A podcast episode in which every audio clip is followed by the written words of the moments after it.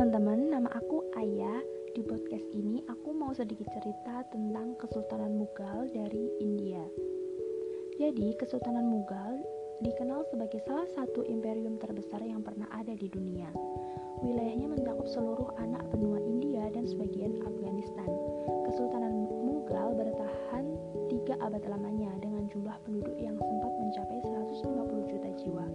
Mereka bukan hanya umat Islam, melainkan juga agama-agama. Pada era kejayaannya, kerajaan ini begitu bineka dan sangat kaya, sehingga dapat mengendalikan hampir seperempat total nilai produksi dunia. Kisah Kesultanan Mughal bermula pada paruh awal abad ke-16. Pendirinya adalah Babur, merupakan seorang keturunan Timur Lain dari generasi kelima. Babur lahir di Andijan, kini Uzbekistan, pada tahun 1483. Sejak tahun 1519, Babur telah berupaya dikuasai oleh dinasti Lodi yang beribu kota di Delhi. Pada akhir abad ke-14, Timur Leng sempat memporak-porandakan Delhi. Inilah yang menginspirasi Babur untuk terus menggempur wilayah dinasti Lodi. Sampai akhirnya Babur memanfaatkan kekacauan politik yang menerpa lingkaran elit bangsa tersebut. Dia bersekutu dengan Daltan Khan, pemimpin Punjab kini termasuk Pakistan, dalam pertempuran pada tahun 1526. Pasukan Babur menang sehingga menyebabkan Kesultanan Delhi runtuh. Babur dikenal sebagai seorang jenderal yang brilian. Setelah kematian Babur, putranya yang bernama Humayun menggantikannya namun meraih kegagalan. Dia kehilangan sebagian besar daerah yang diperoleh Babur. Cucu Babur yang berusia 13 tahun akhirnya mengambil tahta setelah kematian Humayun. Cucu Babur ini bernama Akbar. Akbar memerintah India dengan kebijaksanaan dan toleransi. Kekuatan militer Akbar adalah akar dari kekuatannya.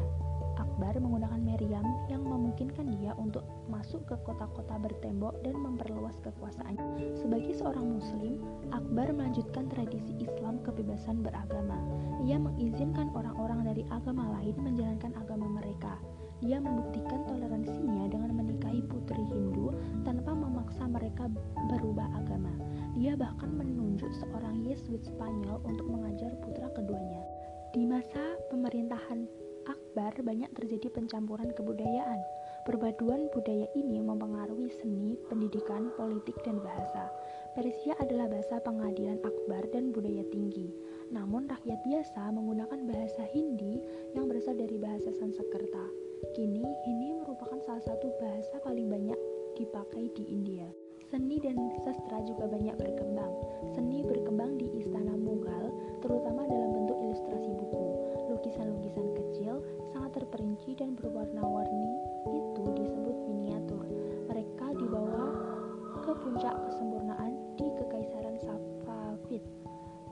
Babur Humayun membawa dua master seni ini ke istananya untuk mengajarkan kepada bangsa Mughal.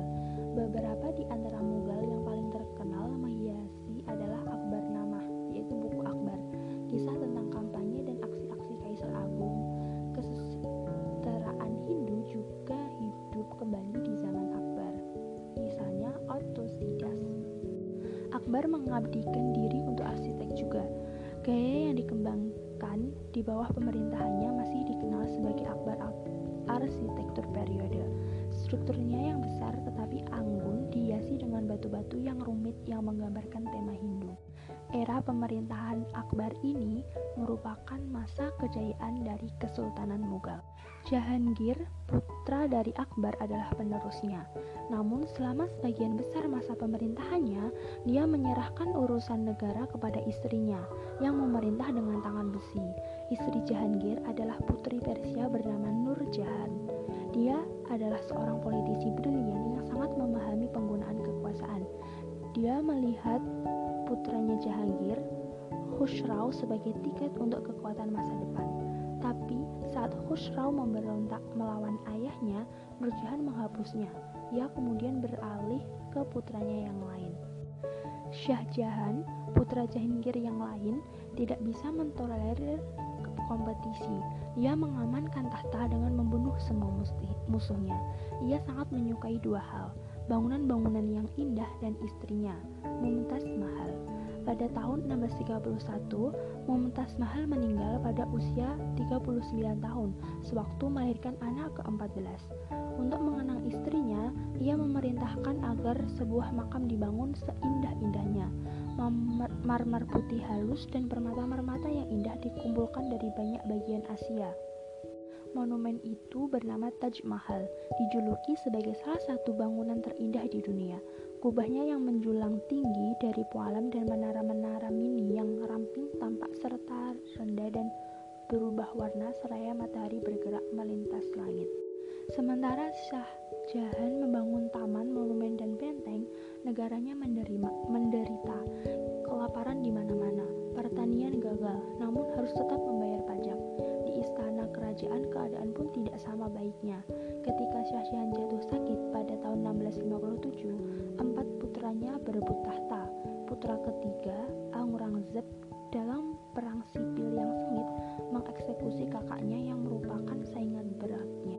Kemudian ia menangkap ayahnya dan menjebloskannya ke penjara, tempat ia meninggal beberapa tahun kemudian.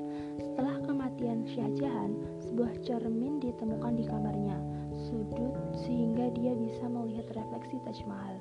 Pada pemerintahan Aurangzeb, ia memperluas kekuasaan Mughal, namun kekuasaan kesultanan melemah selama pemerintahannya. Hilangnya kekuasaan ini sebagian besar disebabkan oleh penindasan. Dia bersikeras menegakkan hukum Islam, melarang minum, berjudi, dan kegiatan lain yang dipandang sebagai kejahatan. Ia menetapkan kecaman untuk menjaga moral rakyatnya dan memastikan agar mereka berdoa pada waktu yang ditetapkan. Ia juga mencoba menghapus semua keuntungan yang dicapai kaum Hindu di bawah Akbar. Misalnya, ia mengembalikan pajak yang telah yang ia benci kepada kaum non-muslim dan memecat orang Hindu dari kedudukan tinggi dalam pemerintahannya. Ia melarang pembangunan kuil-kuil baru dan memerintahkan agar monumen-monumen Hindu dihancurkan. Tidak heran tindakan ini membuat orang Hindu marah. Pada akhir pemerintahan Aurangzeb, dia telah menguras seluruh kekayaannya. Lebih dari 2 juta orang meninggal dalam kelaparan sementara Aurangzeb pergi berperang.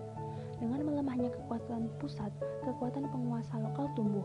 Setelah kematian Aurangzeb, putranya terus berperang. Bahkan tiga kaisar memerintah dalam 12 tahun pertama setelah Aurangzeb meninggal. Pada akhir periode ini, Kaisar Mughal tidak lain hanyalah tokoh yang kaya. Ia memerintah bukan sebuah kerajaan bersatu, tetapi tambah sulam dari negara-negara merdeka. Ketika kerajaan Mughal sedang kacau, para pedagang barat perlahan membangun kekuasaan mereka sendiri di, di wilayah itu. Orang Portugis adalah orang Eropa pertama yang tiba di India. Bahkan mereka tiba tepat setelah Babur melakukannya. Berikutnya adalah orang Belanda yang pada gilirannya memberi jalan kepada orang Perancis dan orang Inggris. Bagaimanapun, Kaisar Mughal yang agung tidak merasa terancam oleh para pedagang Eropa. Pada tahun 1661, Aurangzeb dengan santai menyerahkan pelabuhan Bombay kepada mereka. Aurangzeb tidak tahu bahwa dia telah memberikan Mughal kepada para penakluk India di kerajaan masa depan. Itu merupakan